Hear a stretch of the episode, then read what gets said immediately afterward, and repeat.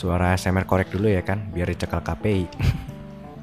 Oke, baik lagi di Elvan Talks podcast yang ngebahas isi kepala gue yang kayaknya ada isinya. Cuman gue lebih yakin isi kepala sapi lebih enak digule ketimbang kepala gue. Cringe emang.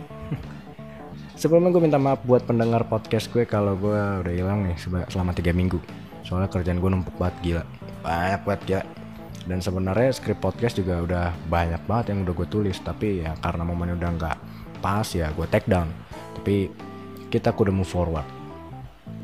Sesuai judul di, di episode 4 kali ini gue bakal ngebahas solusi terbaik untuk seluruh masalah yang ada di Indonesia. Emangnya ada?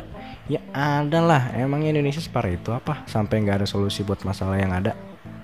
Seperti yang kita tahu, akhir-akhir ini Indonesia dilanda polemik yang cukup banyak, mulai dari kasus beasiswa jarum yang harus di take down, isu penyetopan SpongeBob, sampai drama politik kolosal yaitu RU dan kawan-kawannya.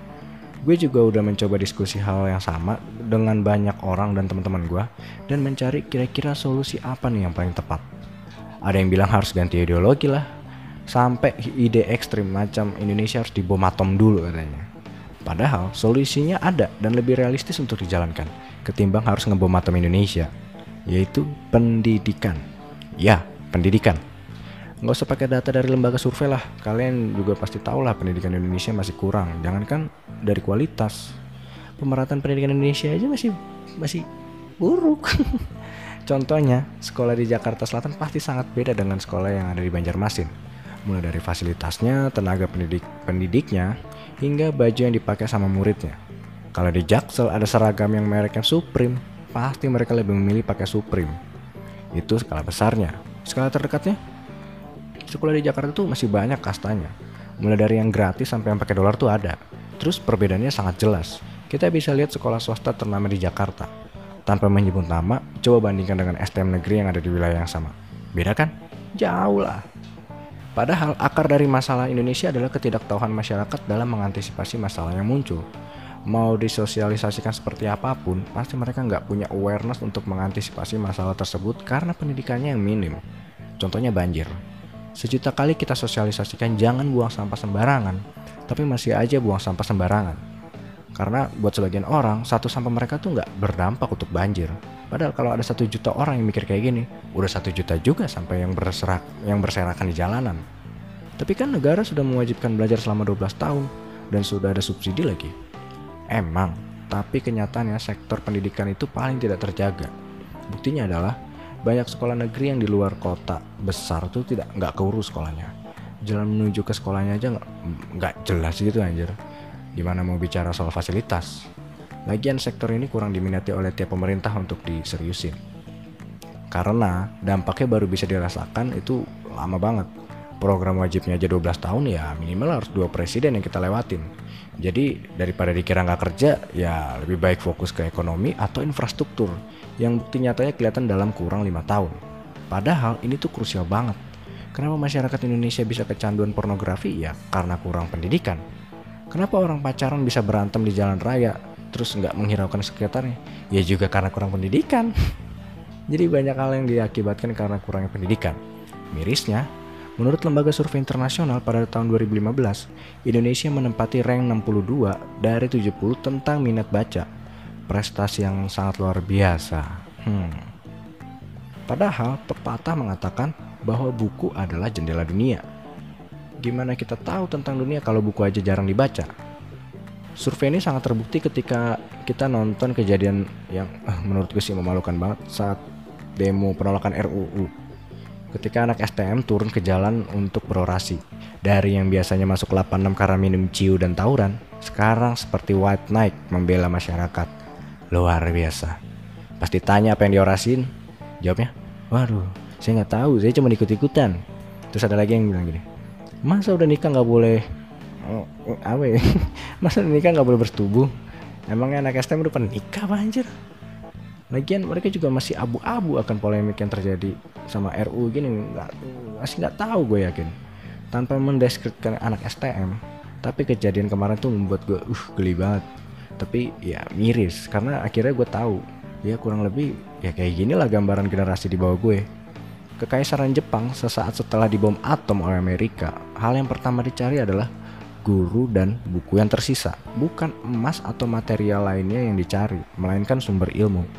Karena mereka tahu, untuk membangun peradaban harus dibutuhkan orang yang terampil.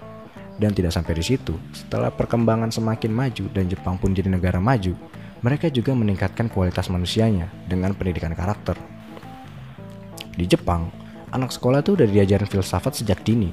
Caranya, mereka tuh mewajibkan setiap anak sekolah wajib baca buku literasi-literasi Jepang yang di mana dapat membentuk karakter yang diinginkan sejak dini seperti doktrin tapi hasilnya bagus kenapa Jepang gak ada tong sampah karena mereka dibesarkan dengan konsep bahwa sampah gue harus dibuang di rumah gue terus kenapa Jepang sangat malu jika melakukan korupsi?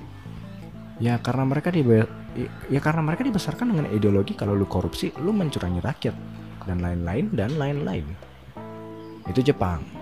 Gue lupa tak tahun berapa tapi Australia pernah mendapatkan nominasi sebagai salah satu negara yang paling bahagia di dunia gitu.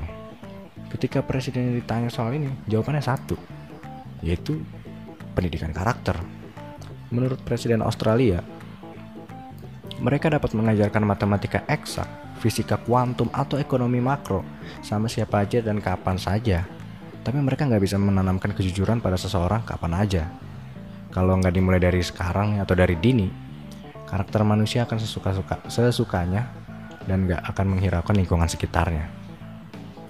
Terus mungkin dari banyak dari kalian yang udah ngeliat komparasi pendidikan Indonesia dengan Swedia. Ini Swedia ini negara yang paling gue suka nih sistem kepemerintahannya.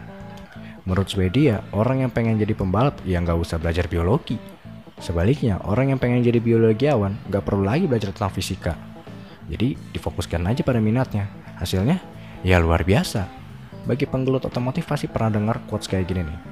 Sehebat-hebatnya insinyur Jerman, masih lebih hebat insinyur Swedia. Makanya Mercy dan BMW kalah dengan koneksi. Saking mereka hebatnya, negara Swedia nggak mengenal ART atau asisten rumah tangga, apalagi babysitter.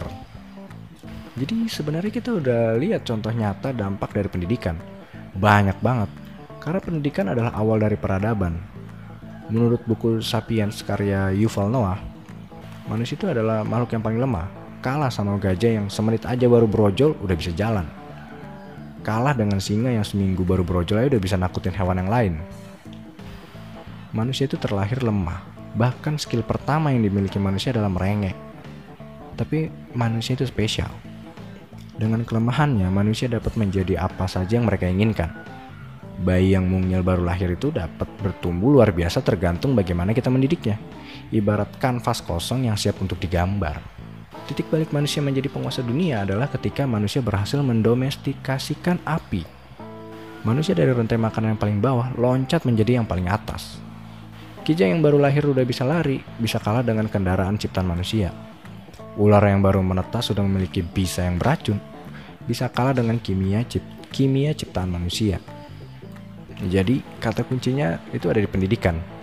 Kalau negara belum bisa memberikan pendidikan yang baik, kita sebagai generasi yang sedang pro produktif, ya mari kita mendidik generasi di bawah kita ya dengan berbagai macam cara. Apalagi sekarang tuh udah, udah teknologi udah maju banget, lu nggak bakal repot lagi gitu. Supaya generasi sekarang lebih suka nonton channel YouTube informatif daripada drama artis nggak jelas. Gue Elvan, thanks for listening.